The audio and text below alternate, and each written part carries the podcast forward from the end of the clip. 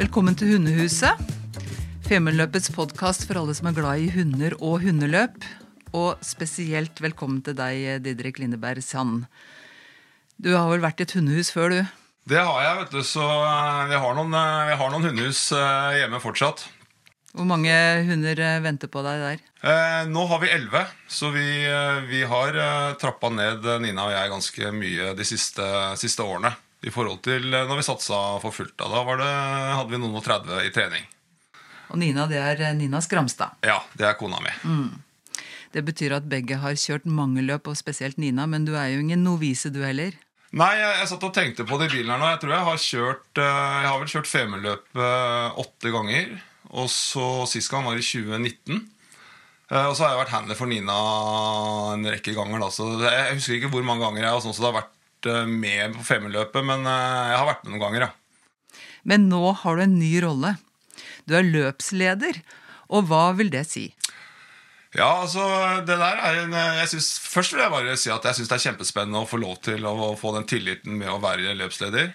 Eh, Min oppgave er eh, å være sånn, eh, ansvarlig for den sportslige gjennomføringen. Det står vel i instruksen en uke før løpet starter, og så under løpet. da. Så jeg er ansvarlig for den sportslige gjennomføringen av femmerløpet 2024. Føler du at du har blitt lurt når de sier at det er den siste uka du skal liksom være på? For jeg regner med at du har vel vært mer eller mindre aktiv noen uker før det òg? Det har jeg, så, men, på, samtidig syns jeg det er litt behagelig, egentlig. Um, for jeg har en travel hverdag ellers og sånn, så um, Og så gjøres det utrolig mye bra jobb av uh, hele organisasjonen i forkant. Det legges ned uvanvittig med dugnadstimer. Eh, Så for meg så er det egentlig helt eh, Så synes jeg det er veldig ålreit Så er jeg med å monitorere litt og koordinere litt nå. Og så kan jeg legge inn eh, fullt trøkk eh, fra starten eh, eller en uke før start og under løpet. Så, så det her syns jeg blir For meg passer det perfekt, egentlig. Men du skal altså passe på at løpet blir gjennomført etter intensjonen og alles ønsker. Men har du da en formening om hva er det en løpsleder skal gjøre da, liksom den siste uka før løpet settes i gang? Ja, altså det, det som igjen, det, det går liksom eh, altså på det sportslige, og det er å sørge for at eh, løypa er som man skal være, at det ikke er noen uh, utfordringer der. Hvis vi må legge om løypa pga. lite snø eller sånne ting. Eh, kvalitetssikre at sjekkpunktene er eh, rigga sånn som de skal være, og, og sånn. Så eh, ja. Det går jo mye på sikkerhet, men du har eh, proklamert liksom tre fyndord. Sikkerhet, rettferdighet og god stemning. ja. Det der var sikkerhet, eh, vil jeg tro, først og fremst. Men rettferdighet, hva tenker du løpslederen skal gjøre for at det skal bli eh, så rettferdig som mulig? Ja, altså det som eh, Jeg har liksom kommet med de tre, tre fokusområdene, da, så eh, Men når det gjelder rettferdighet altså Femundløpet er jo Det er jo først og fremst en konkurranse. Eh, Noen ganger kan det kanskje virke som at det er liksom eh, også en, fest og alt det rundt. Og det er det jo også, men det er jo først og fremst en, eh, en konkurranse. Og så er det viktig for meg, i og med at jeg har vært med en del ganger selv også, å, å prøve å tilrettelegge sånn at det er så rettferdige konkurransevilkår som overhodet mulig for alle startene. Og i det så ligger det også sånn f.eks. dette her med trasévalg og, og løypekvaliteten. Eh, På, eh, på 450, som nå er NM, så er det jo rundt 90 påmeldte. Uh, og det skal i utgangspunktet så må vi tilstrebe at det skal være like forhold for start nummer 1 som for start nummer 90. Uh, så, og det legger en del uh, måte, krav til oss som arrangører da, for å få til så rettferdige forhold som, som overhodet mulig. Men hvordan skal du klare det. Når 89 hundespann med eh, fire ganger åtte hunder har løpt foran deg og kanskje tråkka opp løypa? Det- blir jo ikke samme forholdet da? Nei, det gjør ikke det. ikke sant? Så, så vi klarer ikke, og Det er jo en utendørsidrett og, og sånne ting. Så, eh, men, men det jeg har vært tydelig på da, til, eh, til løypesjefen og øh, organisasjonen for øvrig, er at vi må prøve å legge inn traseen på en sånn måte at vi unngår altså så flat trasé som mulig. Eh, Vi må legge til rette for, eh, spesielt på førsteetappen, gode muligheter for forbikjøringer. Eh, Vi kommer til å splitte opp nedkjøringer fra altså Bredalslia, som er liksom over den første det fjellpasseringen vi har, da, rett etter start. Sånn at ikke vi For å prøve å unngå at det blir for store groper. Hvor og- folk står og bremser hvor og folk står og lager bremser og lager høl. høl. er riktig. Eh, Og det handler om både om eh, altså sånn eh, dyrevelferdsmessig med tanke på å redusere sannsynligheten for eh, at det kan bli litt skader og sånne ting. Men også for at det skal være så, eh, altså så likt som mulig og, så gode spor som mulig. Da. Så har jeg også vært tydelig overfor eh, for Femundløpet AS at vi, vi må prioritere å bruke litt ekstra penger på diesel eller bensin. Eh, kanskje spesielt på førsteetappen, eh, sånn at vi får preppa et ordentlig eh, godt spor. da. Og så er det jo selvfølgelig noen utfordringer både med vær og føre og, eh, og grunneiertillatelser og sånne ting, men det er i hvert fall et fokusområde å få så bra spor som overhodet mulig. Men når vi snakker om det da med, med at det er litt forskjell på om du starter først eller sist, eh, i hvert fall hvis du ikke har fordelen av at noen har tråkka opp i, i store sn- nysnømengder, da. Eh, Det er sånn at du melder deg på, og så blir det trukket startrekkefølge, ikke sant? Ja. Så det er litt sånn bingo på når du skal starte, da. Det er helt riktig. Det er litt bingo. Og, og det har vært diskutert gjennom tror jeg, flere år om man skal ha siding f.eks. eller ei. da. Og så har vel egentlig noe av grunntanken til, eh, til Femundløpet sånn fra langt tilbake av at det skal være det skal ikke være noe siding, det skal være like muligheter. altså sånn, det skal ikke, så Sånn sett skal alle ha like muligheter. Eh, og kunne bli trukket først og, og, og sånne ting. Eh, Men samtidig så ser jeg det at eh, nå, nå begynner det å bli veldig mange spann som er med. Så jeg tenker at den diskusjonen bør man ta, ta igjen da, etter årets gjennomføring. Kanskje spesielt med tanke på neste år, når det da blir et VM. Av at de raskeste kjørerne må passere fryktelig mange hundespann. Ja, det er helt riktig. Og så er det litt, eh, tenker jeg, rundt dette her med Og spesielt starten er litt sånn, og førsteetappen er litt sånn, eh, kan være litt sånn tricky og når det er så mange spann. da. Eh, Og det går litt også på dette her med mitt tredje på en måte prioritering, som er god stemning. Det skal være hyggelig å kjøre løpet både for hunder og for kjørere og alle sammen. Og da tenker jeg at vi må være litt ekstra rause og påpasselige i første etappe, spesielt på første etappen. Um, la de som eh, altså vi, må, vi må følge med og være behjelpelige når spann kommer og tar deg igjen. og sånne ting. Prøve å få ned litt grann stressnivået og eh, hjelpe hverandre. Kjenner du igjen den følelsen? Altså at førsteetappen, da, da koker det i huet på både bikkjer og kjørere? Ja, den kjenner jeg. Eh, og den er Det er mye altså sånn, liksom, Dette her er jo for de aller fleste så er dette her liksom eh, det store målet for sesongen. Eh, for veldig mange så er det eh, så, handler det jo om på en måte å konkurrere om, om på pallplassering, men for de aller fleste så er det egentlig bare det å komme seg gjennom løpet som er det store. Du vet at det ligger mange utfordringer foran deg i, i, på de 45 mila du skal kjøre, eller 65 eller 20 milene. Og det er et veldig høyt stressnivå. Det er det. Eh, og så er det en sånn forløsning idet du liksom kjører ut Kjerkegata og kommer rundt svingen på toppen og liksom Yes, nå er vi ute. Den frykta svingen? Den frykta svingen, ikke sant? Og, det, og så, får du, så senker liksom skuldrene seg litt rann, eh, med en gang eh, etter det. Men fortsatt så er det ganske mye sånn høyt spenningsnivå i den første etappen spesielt, til du liksom begynner å komme inn i rytmen. Og så er det igjen, når det er kanskje 90 startende, så er det veldig mye spann. Og det er mye krefter. Bikkjene er skik- skikkelig ivrige? Og, så, og da, da kan det skje ting. Så det er det der å prøve å bare få ned stressnivået som jeg tror er viktig. Og det, det, det er viktig at kjøreren også er litt fokusert på. Um, og følge med både forover og bakover. Ikke kjøre med headset på med og ha, jeg holdt å si, høre på musikk, eller noe, men altså være til stede. Det, det, det er viktig. Kommer dere i, eh, blant arrangørene også til å være litt ekstra til stede rundt den første etappen, eller? Ja, altså vi kommer til å ha Først så har vi jo en scooter som kjører gjennom på forhånd, og, og vi er jo veldig påpasselige. eh, Og det er også en del av oppgaven min som, eh, som løpsleder å sørge for at uh, løypa ut fra Røros spesielt, at den er godt uh, sikra og med veipasseringer og, og merka. Og så har jeg også vært tydelig overfor uh, for løypesjefen at vi må være litt sånn overdreven på merking på spesielt førsteetappen. Uh, fordi plutselig så er det et spann som uh, noen som uh, tar en feil i et kryss, og så drar det med seg kanskje noen av sperringene. Så vi må bare være overtydelige på, på det, fordi det er ganske mye Det er mye krefter i sving, og det er, det er mye nerver og, og sånne ting. Så, så vi har et ekstra fokus på det. Ja, Når det gjelder at Hvis et spann tar feil retning, kan det også da dra med seg spann bak som, hvor bikkjer kjenner at å ja, her har det gått bikkjer til venstre? Da ja. følger vi etter der. Det er ikke uvanlig. Så, så derfor så er det viktig at vi og, og, vi kommer til å ha på en del av de um, Spesielt der hvor vi kommer til å splitte løypa ned Bredalslia, så kommer vi til å ha ekstra folk som står på der. For der, der hadde vi noen feilkjøringer tror jeg, i fjor.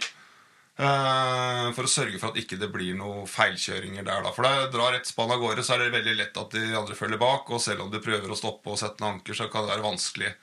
Fordi hundene er så gira som de er.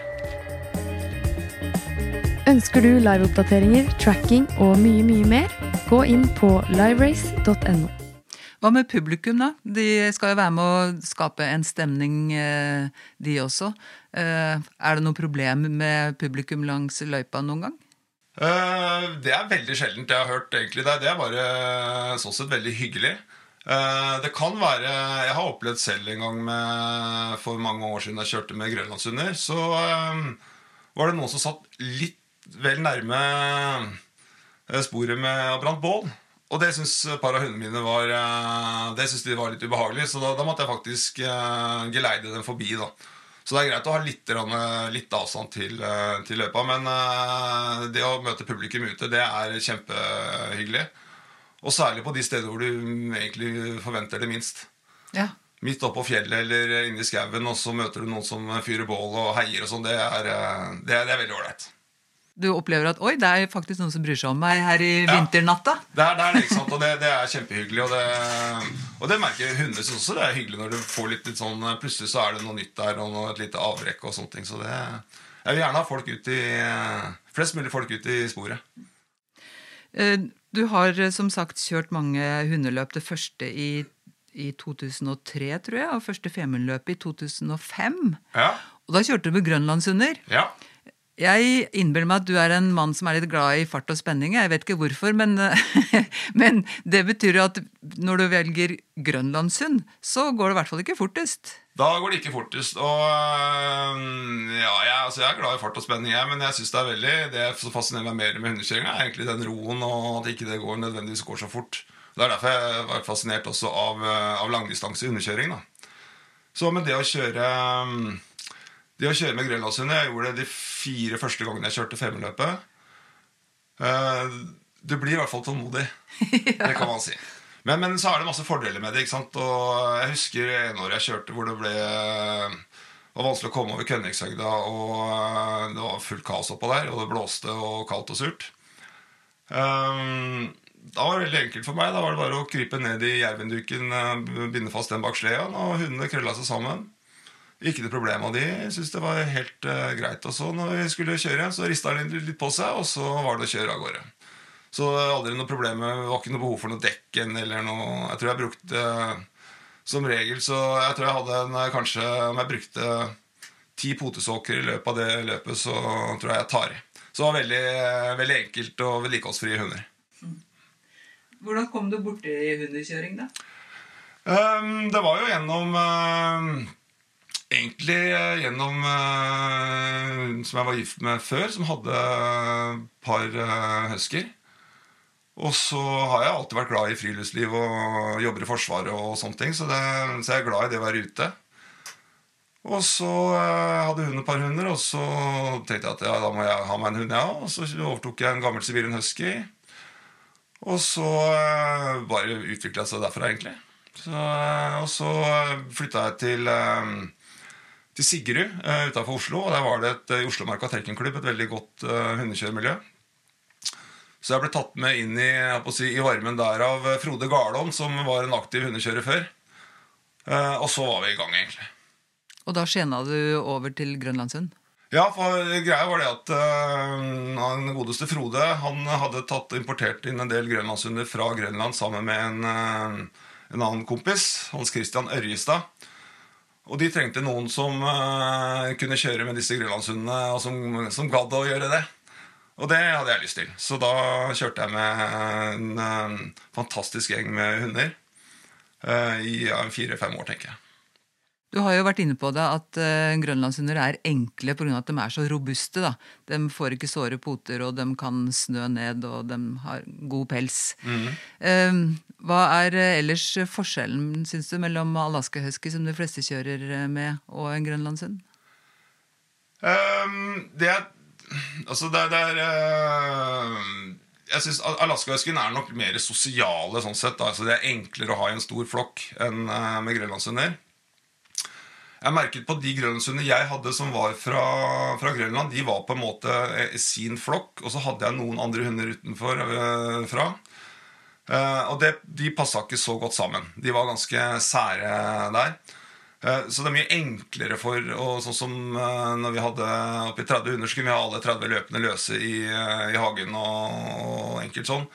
Det gjorde jeg ikke med grønlandshundene. De, ikke at de var kranglete, men de var ganske harde hvis det først blei noe knuffing. Um, Men ble de aldri slik at de godtok de nye ankomne? Ikke de hadde. De var veldig tydelige på det. Er ikke det ganske spesielt, da? Jo, det er det. Og jeg har lurt litt på det. Men så ser jeg det at de, de som vi hadde som var importert fra Grønland, de, de, var veldig tett opp mot vil jeg si, sånn urhund. altså. Uh, veldig mye, Så, så det, det, var en annen type mentalitet på dem enn eh, Og det var ikke det at de var kranglete, eller noe sånt, fordi jeg hadde aldri noe trøbbel dem imellom. Men jeg merket at det var en litt mer sånn uh, urinstinktene som lå der. Og de var uh, De psyka i hvert fall ut et par av disse andre hundene jeg hadde, som, uh, som ikke var en del av den familien.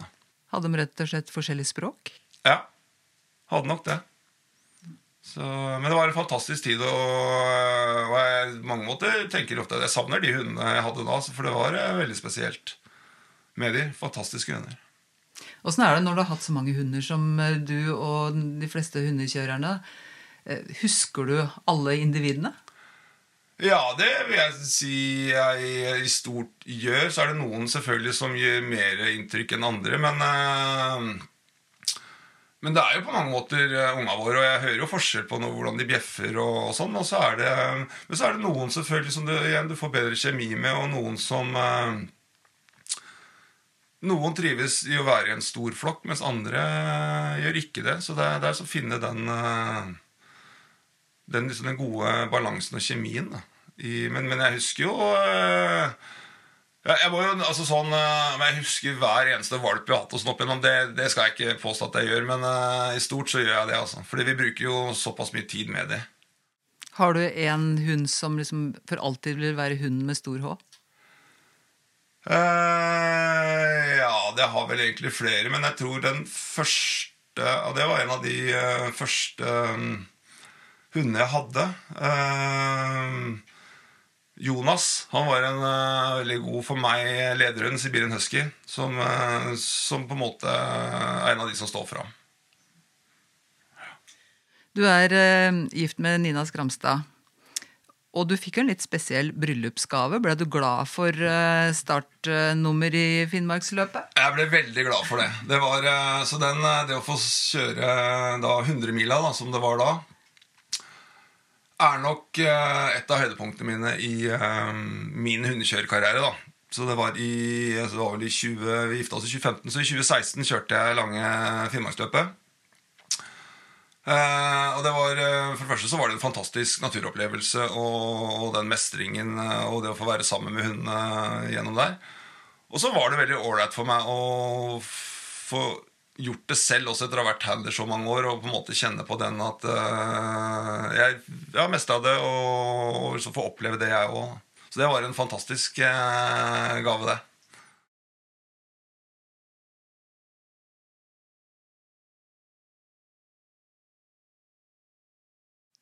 Var du glad for gaven gjennom hele løpet? Ja.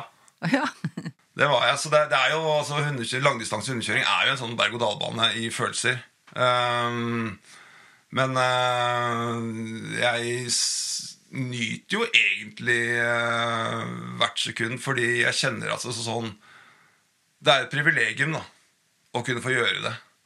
Uh, og jeg har tenkt mye på det sånn Ja, så er man sliten og, det, og alt det der, men Men det er et privilegium å kunne Og det, det er jo noe som vi kan gjøre i, uh, i den vestlige verden, som kan unne oss å bruke tid og sånt på det, når man ser alt annet som skjer i verden. Så for meg så har det bare vært en rein uh, Det er et privilegium og en nytelse å få lov til å være ute i norsk natur med hunder og Ja. Tid og penger. Ja. Veldig mye penger som går med på det her. Ehm, og det er noe jeg kjenner på nå, eh, etter at vi har lagt opp som eh, konkurransekjørere. Da. Det er eh, Det føles ganske godt å ikke alltid ha en kamp om hvordan du skal vri på kronene hver eneste måned. For jeg tror ikke folk er klar over egentlig hvor vanvittig dyrt det er å drive med langdistanse hundekjøring. For det koster eh, mye, uavhengig av om du har eh, vært sponsa med fôr eller, eller ei. Så er det her en Så er det dyrt. Og det er også litt som jeg, som jeg prøver å si når vi som arrangør, at vi må eh, Vi skal anerkjenne den, altså sånn eh, Det som hundekjørerne går igjennom for i det hele tatt å kunne stille til start. Da. Og da må vi tilrettelegge på så god måte som mulig eh, for, for de kjørerne når de kommer opp. da. Og der igjen, så Det er litt derfor jeg litt har fokus på det her med god stemning. da. Det skal være hyggelig å komme opp. Du skal føle at det blir verdsatt når du kommer som kjører til, til Røros. Eh, Det skal være hyggelig å være handler. Og så, som jeg sier til, så går det andre veien også. Det skal være hyggelig å være funksjonær. Så, eh, så det kommer jeg til å si også sånn typisk på kjøremøtet eh, til kjørerne. At dere må vise takknemlighet overfor de som står på en veipassering midt på natta i 30 speik og passer på at, sånn at du skal få kjøre løp. Da, at man gjerne gi en high five og takke de som stiller opp. da. Du har jo eh, en fast inntekt som eh, forsvarsmann, Ja. sjefssersjant i eh, Luftforsvaret. Stemmer. Hva, hva gjør du der? Ja, du kan jo si på mange måter litt som, som å være løpsleder på femmeløpet. Altså, jeg, jeg følger opp, jeg jobber sammen med sjefen for Luftforsvaret, så jeg følger opp sjefens beslutninger.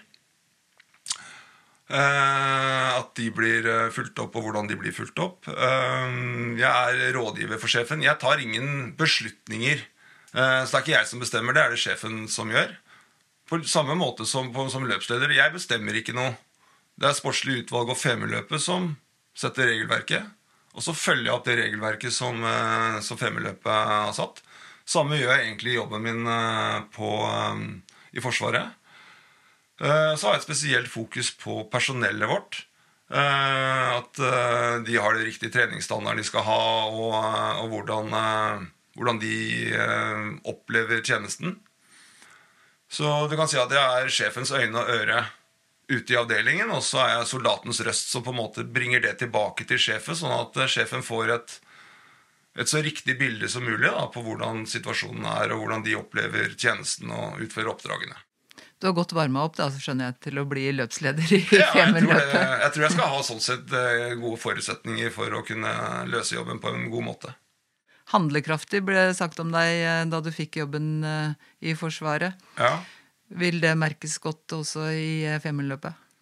Ja, jeg håper det, og jeg håper at jeg allerede har på en måte satt litt uh, mitt preg, i hvert fall gjennom bl.a. mine prioriteter. da. For at det skal være tydelig overfor uh, resten av arrangørene hva, hva jeg prioriterer, og hva, hva jeg forventer underveis. Uh, jeg har vært ute en vinternatt før, både som hundekjører og i jobben, så, så jeg er ikke redd for å på en måte stå i det. Om det skulle blåse litt den ene eller andre måten. da. Og så tar jeg med mye av det som jeg har fra jobben. Altså, jeg, jeg er opptatt av eh, si, både intensjonsbasert lederskap og på en måte være tydelig på igjen, mine prioriteter, og så la de som eh, fagansvarlige få jobbe selvstendig ut ifra fra de prioritetene som jeg har satt. Da. Du kjørte ditt siste hundeløp i 2019, Ja, stemmer det? stemmer. Kan det bli flere? Uh, jeg burde jo egentlig kjørt en til, for jeg måtte bryte på orkelbogen. Eh, Harmelig. Ja, det var, men eh, det var jo ikke sant, det, det, Og det var jo min egen feil, alt sammen. For jeg hadde fått trent eh, litt for dårlig og gjorde litt sånn, eh, noen småfeil underveis som jeg ble sånn sett kan du si, straffa for. Eh, jeg tror nok eh, at jeg har kjørt mitt siste eh, løp, fordi det, det krever såpass mye det å komme seg, bare det å komme seg til start. Ehm, så syns jeg det er veldig ålreit å kunne være med i miljøet på den måten som jeg er nå, og som Nina også har vært med som reporter noen ganger. Og sånne ting så, ehm, Og så nyter jeg det å være ute. Jeg trener så ofte jeg kan med hundene, men det blir korte turer og sånn. Ehm, Så det blir nok ikke noe Jeg tror ikke det blir noe løp mer på oss to. Men man skal aldri så aldri, selvfølgelig. da? Så det, vi, vi har ikke tenkt å selge unna utstyret vårt. Det har vi ikke. Da får du bare sørge for at flest mulig av de som nå starter, kommer seg velberga til mål. Ja, det er en målsetning. Du har hørt på Hundehuset, en podkast for Femundløpet produsert av kobber.no. Lytt til Hundehuset på Spotify. Husk å abonnere for å få med deg alle episodene. Ønsker du liveoppdateringer, tracking og mye, mye mer, gå inn på liverace.no.